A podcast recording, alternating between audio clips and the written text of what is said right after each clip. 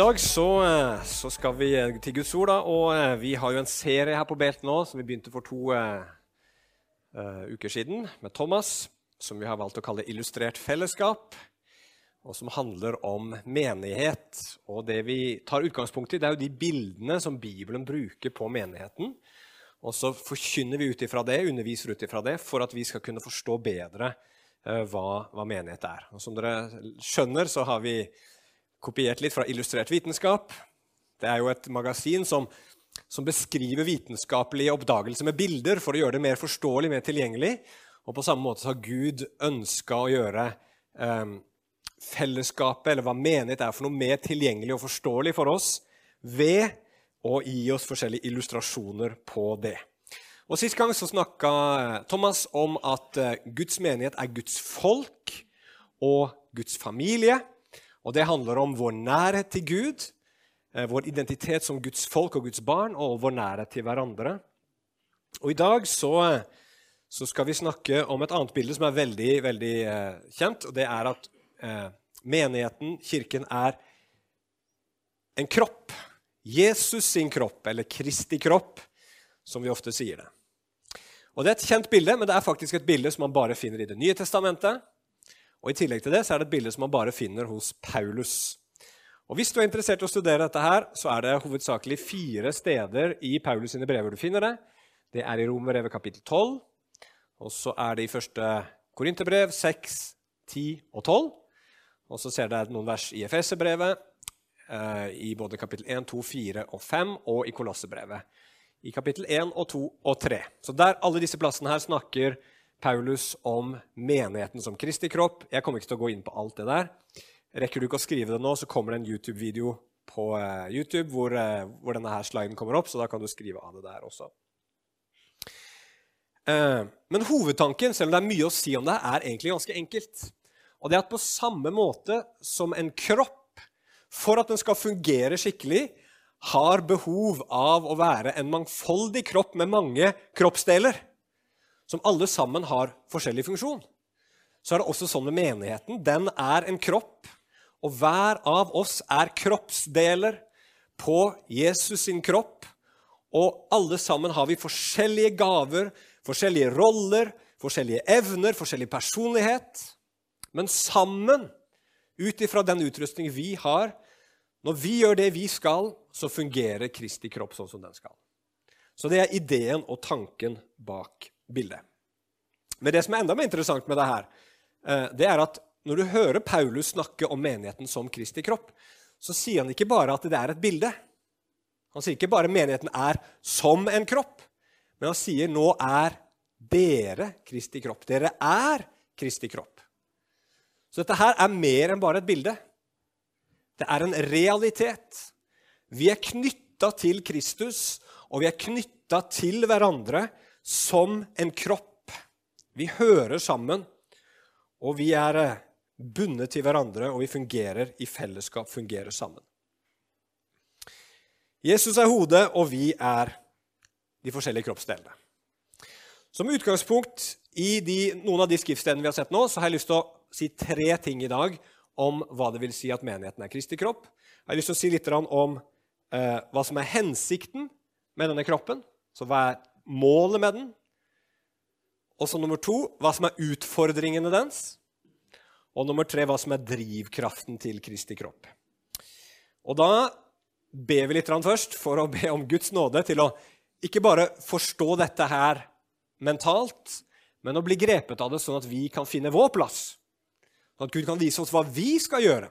For her er det et personlig budskap til hver og en ut fra det Gud har gitt deg til hva du skal gjøre på Kristi kropp. Så vi ber om at Gud skal gjennom denne, dette budskapet, som er til alle sammen, at Gud skal vite, vise klart og tydelig til deg hva du har å gjøre.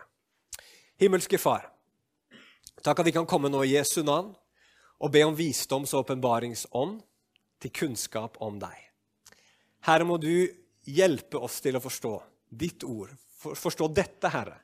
Og spesielt at den enkelte skal få oppleve en åpenbaring, Herre få oppleve å se klart og tydelig at de har en jobb, en rolle, som de skal utføre.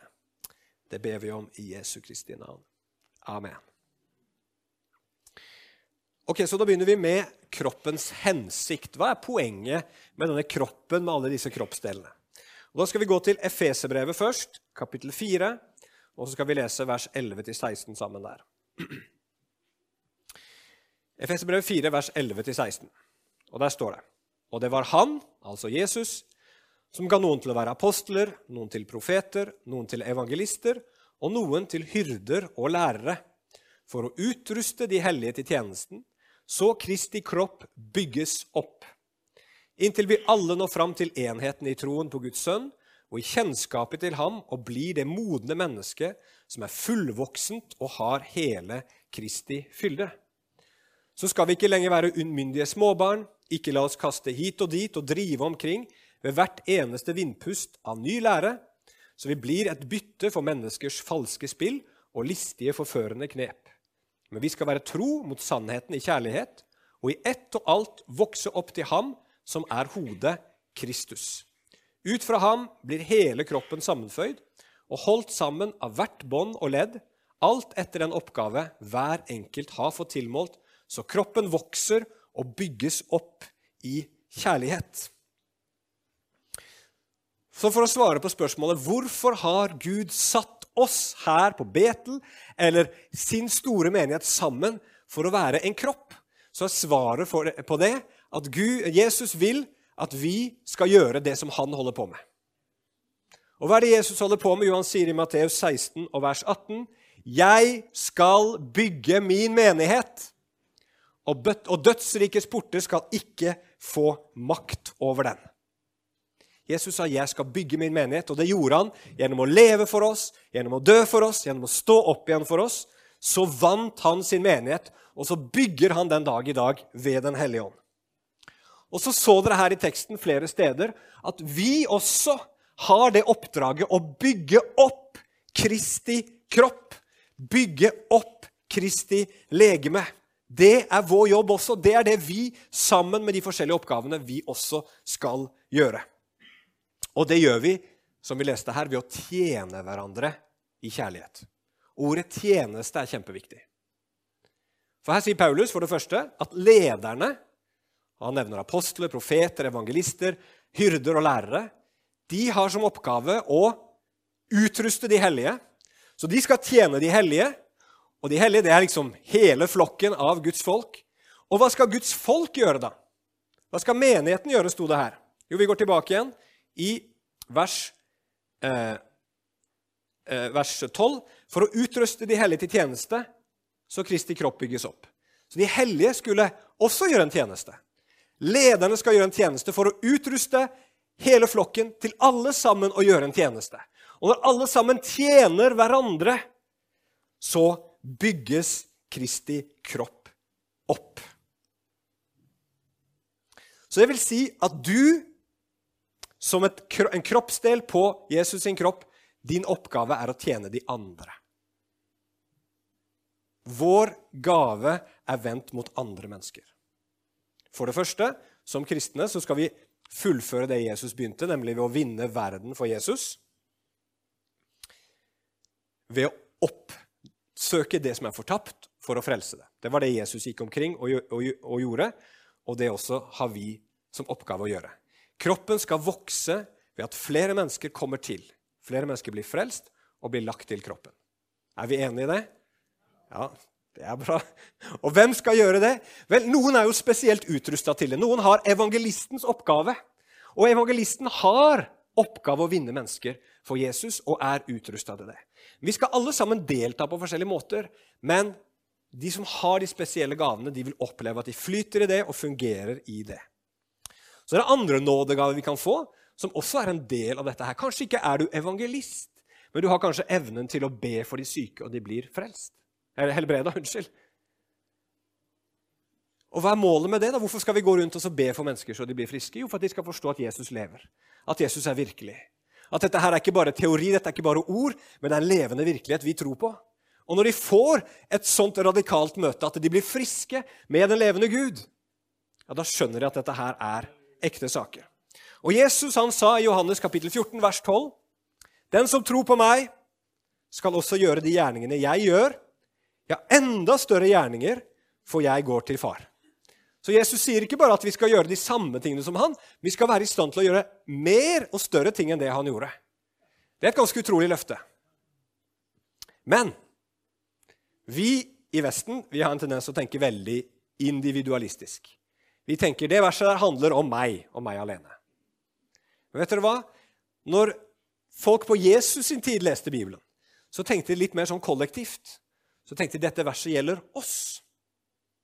For det er ikke sånn at ett eneste menneske skal ha alle de gavene Jesus hadde. Nei, vi som flokk, vi som Guds kropp, eller Jesu kropp, vi skal til sammen ha alle gavene som Jesus hadde. Og så skal vi gjøre de gjerningene som Jesus gjorde. Det er ikke noen solospillere i Guds rike, men Gud deler ut de gavene til forskjellige personer. Og så kan vi, noen av oss få veldig store, veldig kraftige gaver, men vi trenger alle sammen hverandre, og ingen blir større enn Jesus i dette her. Men så er det også viktig å forstå at vår jobb som Kristi kropp er ikke ferdig når et menneske blir frelst og tar imot Jesus. På mange måter er det jo da jobben begynner. Så vi må ikke tenke liksom at hvis ikke min tjeneste sånn direkte her og nå gjør at jeg kan se at et menneske blir frelst, så er det en, en, en uviktig gjerning. Nei, vi alle sammen, når vi tjener hverandre, så er vi med, sånn som eh, Paulus fortalte oss i Efeserbrevet, på å bygge hverandre opp, sånn at vi blir mer lik Jesus. Sånn at vi vokser i modenhet, sånn at vi blir mer og mer de som Gud eh, skapte oss til å bli.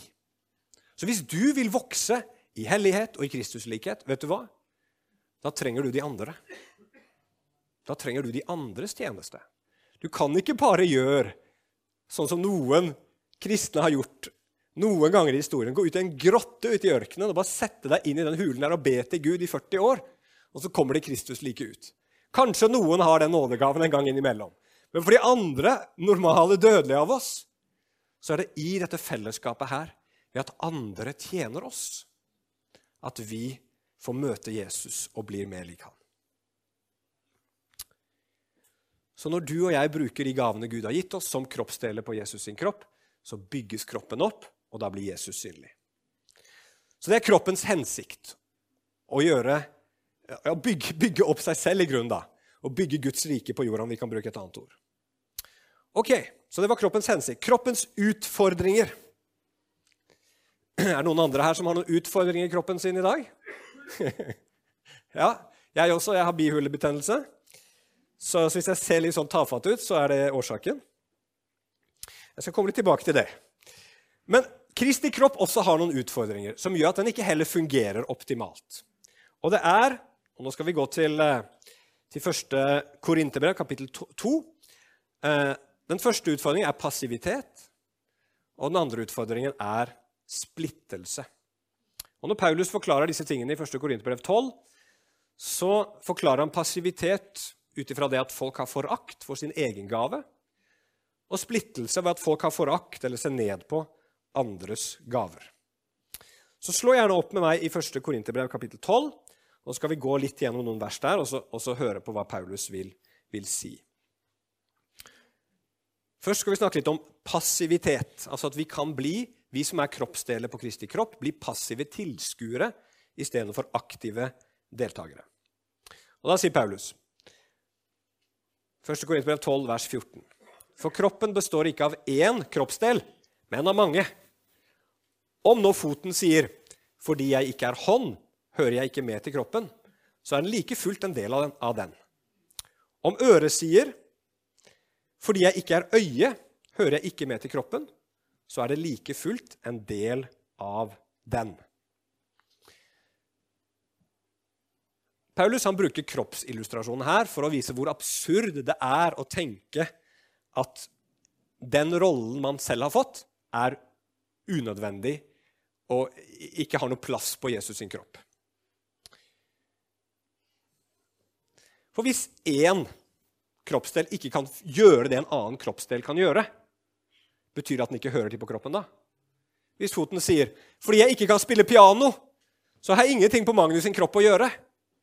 Hadde ikke jeg blitt litt lei meg da hvis, kroppen, nei, hvis foten gikk sin vei fordi at den ikke kunne spille piano? og tenkte at jeg hadde ikke noe nytte av den.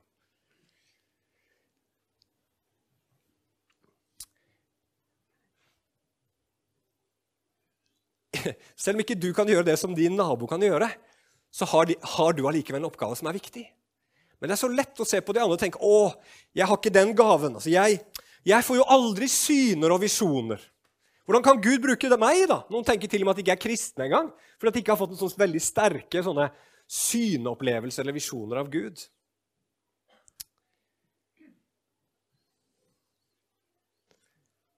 Og så tenker man at Hvis ikke jeg kan evangelisere, hvis ikke jeg har gaven til å evangelisere, hvordan kan Gud da bruke meg? Men, men, vi må ikke se på andres gaver. Vi må ikke se på hva andre har og tenke det er bare det den har, som Gud kan bruke. For du har også fått noen gaver, og Gud kan bruke de på forskjellige måter. Og Poenget til Paulus her, hvis vi går til vers 17, det er hvis hele kroppen var øye, hvor ble det da av hørselen? Hvis det hele var hørsel, hvor ble det da av luktesansen? Med andre ord, alle gavene trengs jo, ikke sant? Og Her kan det virke som Paulus går fra noe som er mer viktig, til noe mindre viktig. Altså øye, hørsel, luktesans. Øynene er jo viktigere enn hørsel, hørselen, ikke sant? Og, og hørselen er jo viktigere enn luktesansen. Eh, og Da kan vi jo også tenke sånn at jo, jo, men andres oppgave er jo viktigere enn min, og det er ikke min oppgave så nøye, det er ikke så farlig. Men det at din og min oppgave ikke er så viktig, betyr ikke at den ikke trengs. Eller hvis den er mindre viktig enn annen, det er kanskje mer riktig å si, så betyr det ikke at den ikke trengs. Fordi at hvis du skal eh, Hvis du kan å, å, kunne se, det er viktig. Er vi ikke enige i det? Uh, ja, nå tror jeg jeg hopper faktisk litt fram. Gjør jeg det? I mine egne notater her. Det er dumt å løpe foran seg sjøl. La, la, meg bare si det her først, da, og så går vi videre til neste vers etterpå. Ikke bare er det sånn at våre gaver er ikke alltid like viktige, eller at vi ikke syns våre gaver er like viktige. Beklager, altså, jeg er litt sånn satt ut eh, på grunn av denne, her, eh, eh, bihulebetennelsen. Eh, men, men, selv om din gave er eh, Du kan føle at den ikke er så viktig. Det var det ene jeg tenkte på. Det andre var det at du kan ha en gave som du tenker er viktig, men kanskje ikke du har fått så veldig stor gave. Altså Noen kan være, være veldig barmhjertig og bry seg om veldig mange mennesker. Du tenker 'jeg klarer bare én person', jeg. Jeg klarer bare to. Men det er bra, det òg. Det er viktig, det òg. Noen vinner millioner av mennesker for Jesus. Jeg klarer bare å vinne én eller to. Men allikevel så er den gaven viktig. For at din gave betyr noe i helheten. Og tenk på den ene personen du gjør noe for, da. Den betyr det noe for allikevel.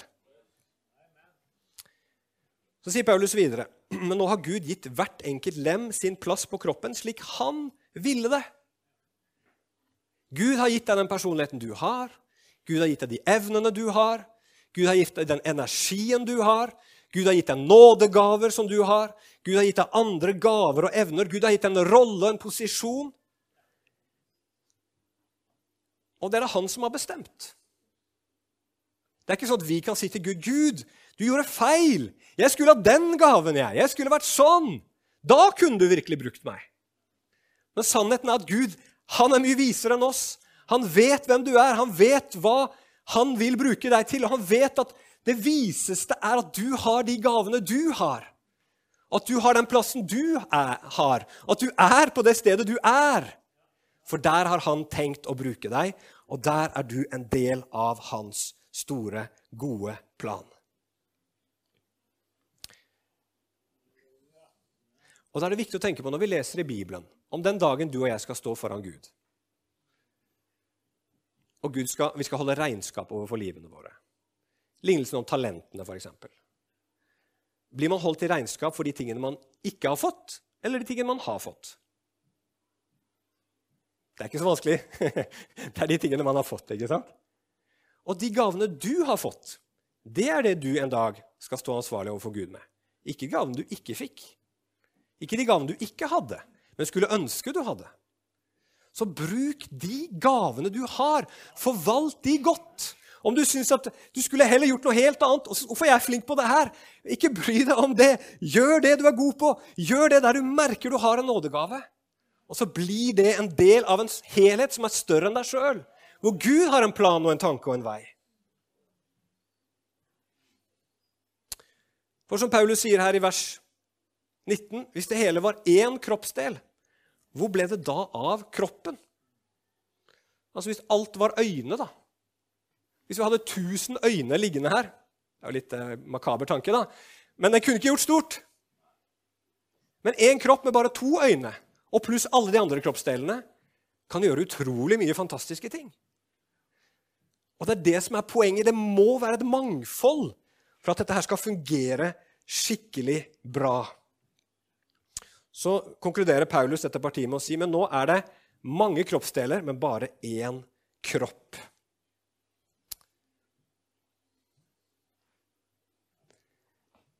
Det er lov å ønske at ting var annerledes i sitt eget liv. Hvis du føler at ikke du har kommet så langt som du skulle som kristen, helliggjørelsen, der trenger du vekst.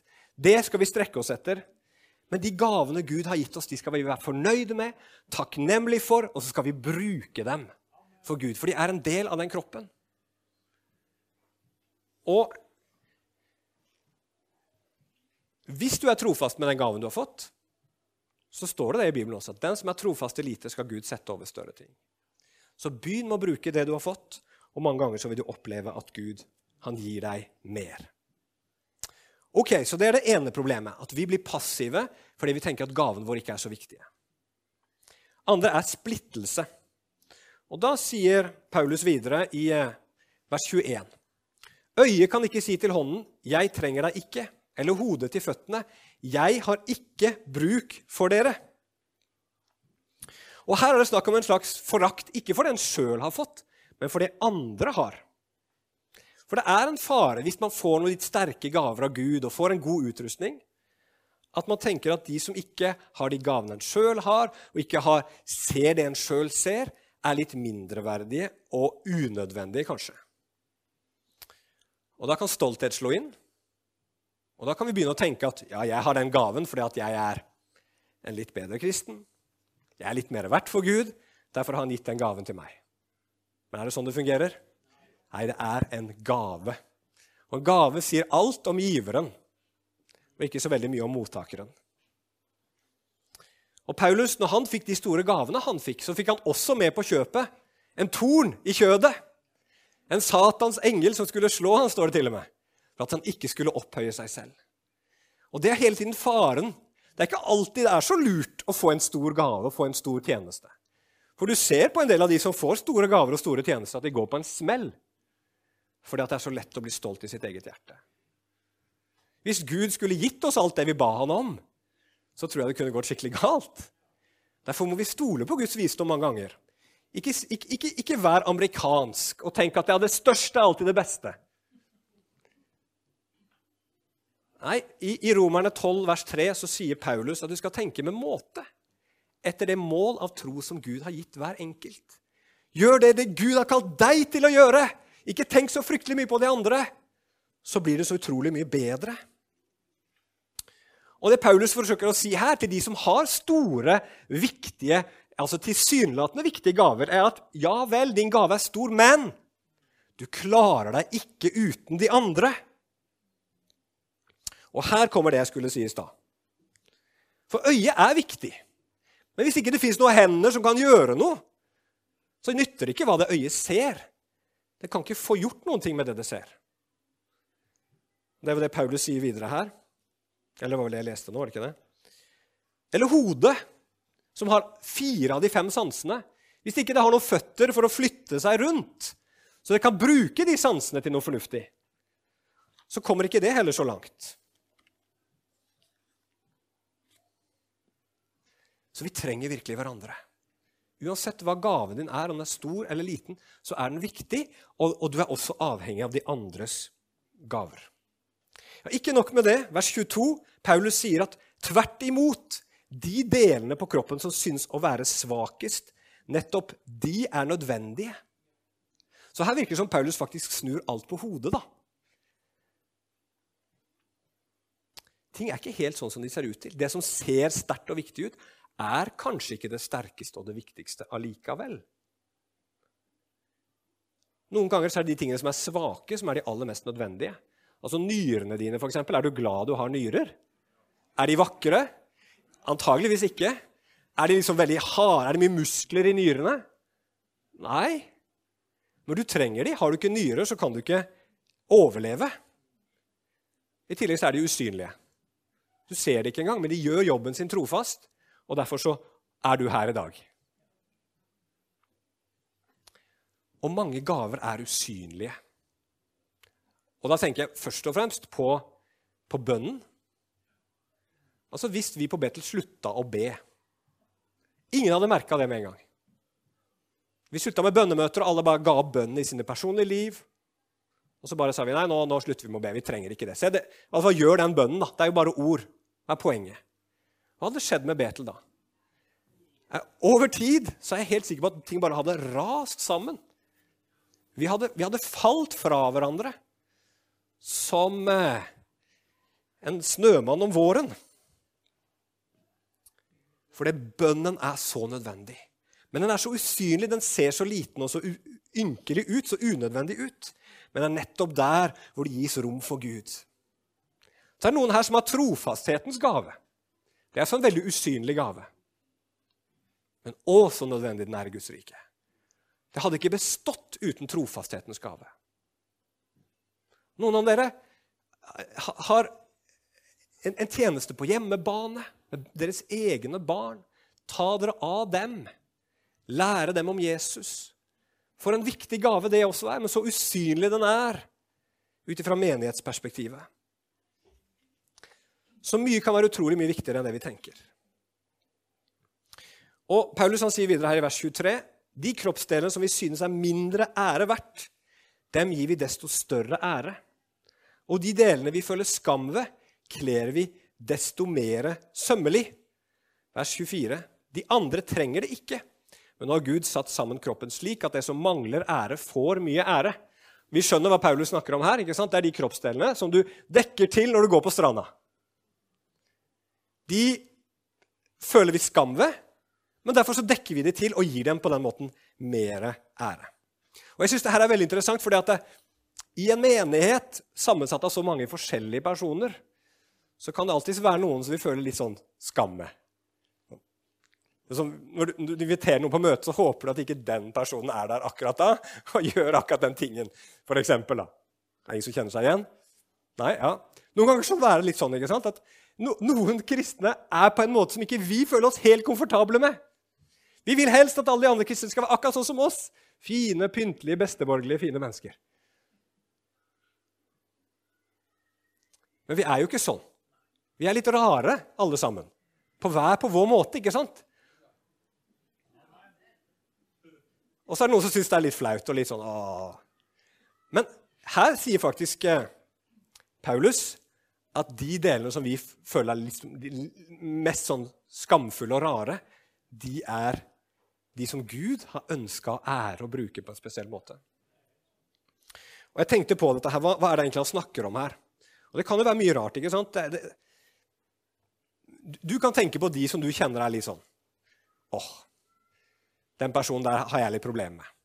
Og, og, og, og, føler jeg føler, fører Jesus litt i vanry. Og Da snakker vi ikke om synd, og sånne type ting, men bare i sin personlighet. at er, Vi er litt originale på hver vår måte, alle sammen.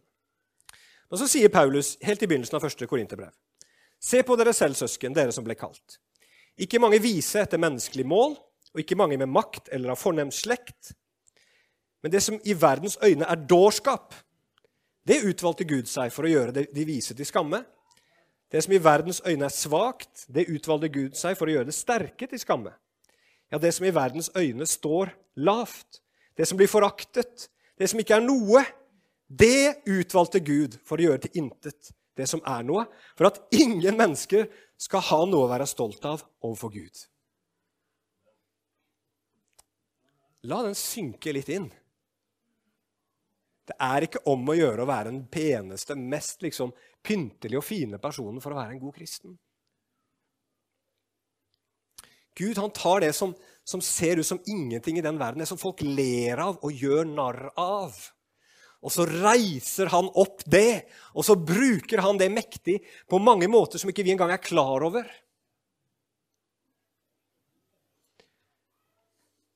Tenk på, tenk, du kan jo tenke at noen mennesker, Hvis, hvis, hvis det er noen, noen, i en forsamling som, som, oppfører seg litt sånn, litt sånn rart, så kan vi tenke at nå kommer noen inn, så ser de de raringene der, så tenker de nei, her vil ikke jeg være.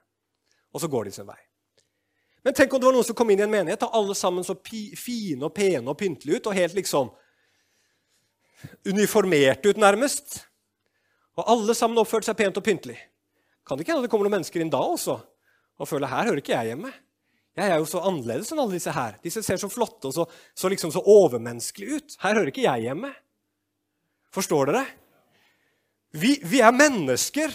Vi er forskjellige, og menigheten skal reflektere den forskjelligheten. Derfor syns jeg det er så flott på Betel at vi kommer fra så mange forskjellige kulturer, at vi er så mange forskjellige personer som, som ikke jeg naturlig kanskje hadde gravitert mot eller liksom valgt som mine eh, venner eller om, omgangskrets. Men det er fordi det er noe sterkere som binder oss sammen, enn at vi liksom er like hverandre. Altså, Er dere med på tanken? Og Paulus sier at de små, eller det som er eh, Det som verden ikke har så veldig tro på, det har Gud veldig, veldig tro på. Og så sier han at målet er at det ikke skal bli splittelse i kroppen, men alle lemmene skal ha samme omsorg for hverandre. For om ett lem lider, lider de alle med. Om ett lem blir hedret, gleder, de alle, gleder alle de andre seg. Paulus sier ganske enkelt at vi må ha omsorg for hverandre. Vi må ta vare på hverandre, vi må hjelpe hverandre, vi må oppmuntre hverandre. Hver og en til å gjøre det Gud har satt oss til å gjøre. Og når én har det vondt, en ikke får gjort sin oppgave, ja, så er det vi alle sammen som taper på det. Litt sånn som jeg har bihulebetennelse akkurat nå. Så sier jeg ikke bare 'jeg har vondt i bihulene', men jeg sier 'jeg har vondt'. Det er hele meg som lider av dette her. Er dere med?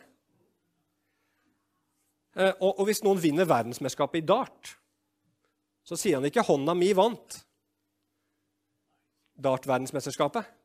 Han sa 'jeg'. Han sier 'jeg vant', ikke sant? Og Sånn er det i menigheten. Og hvis noen lykkes, hvis én person vinner en for Jesus, og, og, og, og, den personen blir skikkelig frelst, og den personen ble brukt av Gud til det, så betyr ikke det at det var bare den personens fortjeneste.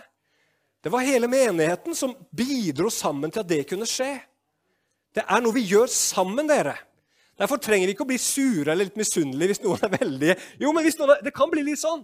Noen forteller 'Å, en ble frelst', så kjenner alle sammen på. Litt sånn motløshet, for jeg leder jo ingen til frelse.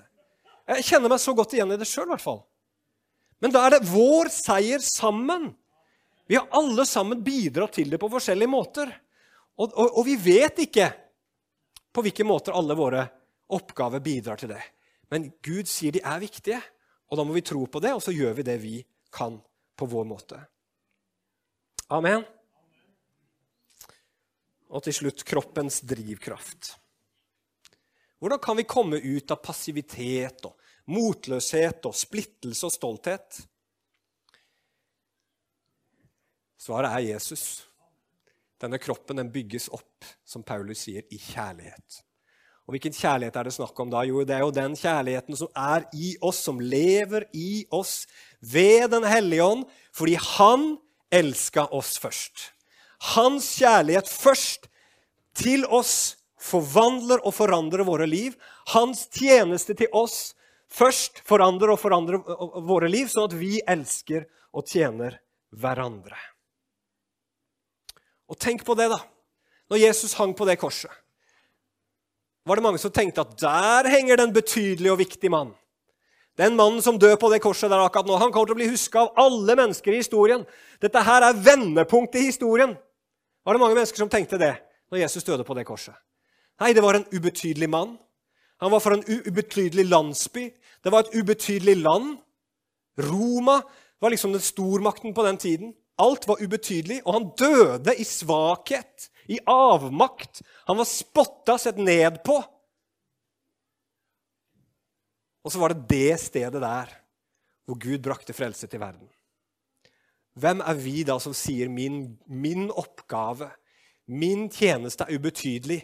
Jeg trenger ikke gjøre den, jeg trengs ikke. Nei, vi vet at Gud tar det ubetydelige, og så gjør han noe betydelig ut av det. Så da kan vi jo ikke være passive, kan vi det? Og når vi i tillegg ser at Jesus elska oss først, ga sitt liv for oss, han ofra alt for oss Og så har vi bare fått en sånn liten, ubetydelig oppgave. Syns vi, da? Kan vi ikke allikevel bruke den til å tjene Gud med? Har du ikke lyst til å gi ham noe tilbake for å vise at du elsker ham? Så bruk den lille i hermetegn gaven du har fått, og vis takknemlighet til Gud gjennom den.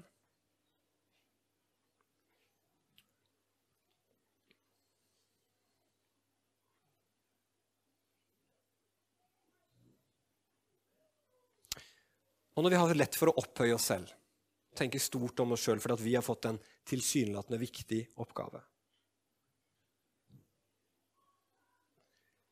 Og så ser vi ned på de andre. Våger vi å tenke at det som ser ubetydelig ut i menneskers øyne, faktisk er ubetydelig? Vi som vet at Jesus, som døde i ubetydelighet, var det som frelste oss. Vi trenger, hvis, hvis du har en, en stor gave, så må vi få Guds opp-ned-syn på virkeligheten. Det som åpenbares på korset, og det som åpenbares i menigheten. Og glem ikke, det er jo det korset handler om, at du og jeg, vi er elska ikke pga. den utrustning eller de gaver vi har, eller det vi får til i livene våre, men vi er frelst av bare nåde. Gud elsker deg, Gud elsker meg og viser den kjærligheten til oss, ikke gjennom de gavene vi får, men gjennom frelsen, gjennom tilgivelsen, gjennom det nye livet, gjennom det håpet som du eier. Der ligger eh, basisen for din verdi. Det er det du skal se på, ikke på hva du har fått tildelt av evner, og hvilken oppgave du har fått. Det er det som skal drive oss. Og da er det så fint også, for om du kjenner at du lykkes, eller om det ikke går så bra, så har ikke det så veldig mye å si. For gleden din, kraften din, den fins i det Jesus gjorde for deg. Den kjærligheten han åpenbarte for deg. Den nåden som du har fått, som er uavhengig av hvor bra det går i tjenesten din for Jesus. Vi har ingenting å skryte av. Ingen av oss. Det er bare Jesus som fortjener skryten. Hva har du som du ikke har fått? Bruk den gaven til Guds ære.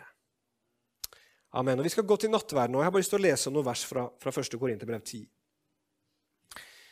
Eh, og Det skulle stått vers 16 til 17 der. Dere ser det på, på selve versene. Der snakker Paulus om denne Kristi kropp. og Der står det 'velsignelsens beger som vi velsigner'. Gir det ikke del i Kristi blod? Brødet som vi bryter, gir ikke del i Kristi kropp? Fordi det er ett brød, er vi alle én kropp for vi har alle del i det ene brød. Vi er alle sammen én kropp, og du og jeg er én kroppsdel på den kroppen fordi han ga sin kropp for oss. Hans kropp ble ødelagt, brytt ned på korset, for at vi skulle bli en hel kropp som Gud har fantastiske planer med.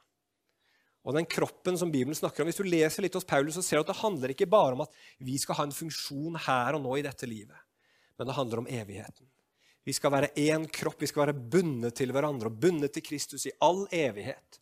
Og så skal vi bruke den personlighet vi, er, vi har, eh, de evner vi har, alt det vi er, for å prise Jesus i all evighet, som én kropp. Og den kjøpte Jesus med sitt eget blod og med sin kropp.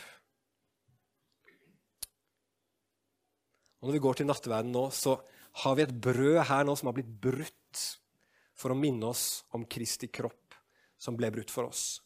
Men det var ett brød, og det skal minne oss om at vi alle sammen hører til hverandre og er knytta sammen i Kristus. Vi er avhengig av Jesus, og vi er avhengig av hverandre. Det er det Kristi kropp forteller oss.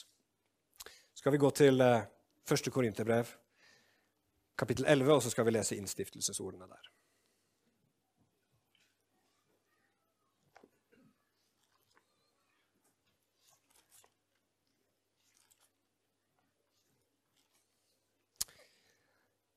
Der skriver Paulus.: For jeg har mottatt fra Herren det jeg også har overgitt til dere.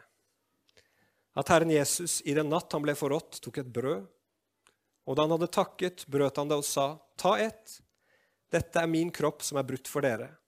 Gjør dette til minne om meg. På samme måte tok han også begeret etter måltidet og sa, Dette begeret er den nye pakt i mitt blod. Gjør dette så ofte dere drikker det, til minne om meg. For så ofte dere eter dette brød og drikker av dette beger, forkynner dere Herrens død inntil Han kommer. Derfor skal hver den som eter dette brød eller drikker dette Herrens beger uverdig, være skyldig i Herrens kropp og blod. Men hvert menneske må prøve seg selv, og så kan han ete av brødet og drikke av begeret.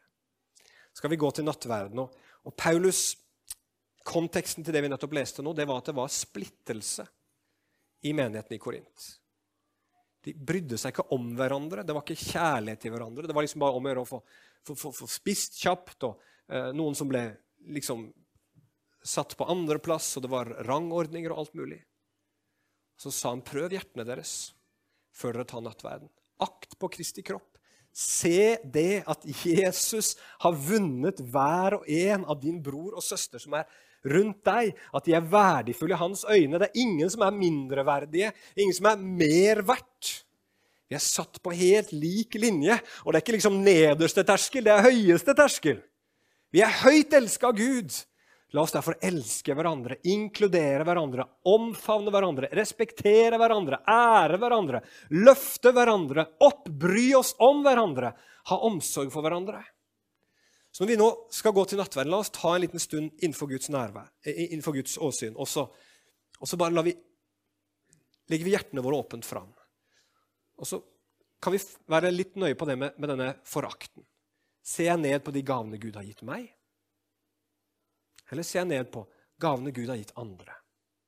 Opphøyer jeg meg selv over andre, eller, eller, eller, eller eh, nedverdiger jeg meg selv, hvis det er et verb? Så søker vi Gud på det, og så kan vi bekjenne det. Og så kan vi gjøre opp, og så kan Gud styrke enheten oss imellom gjennom det.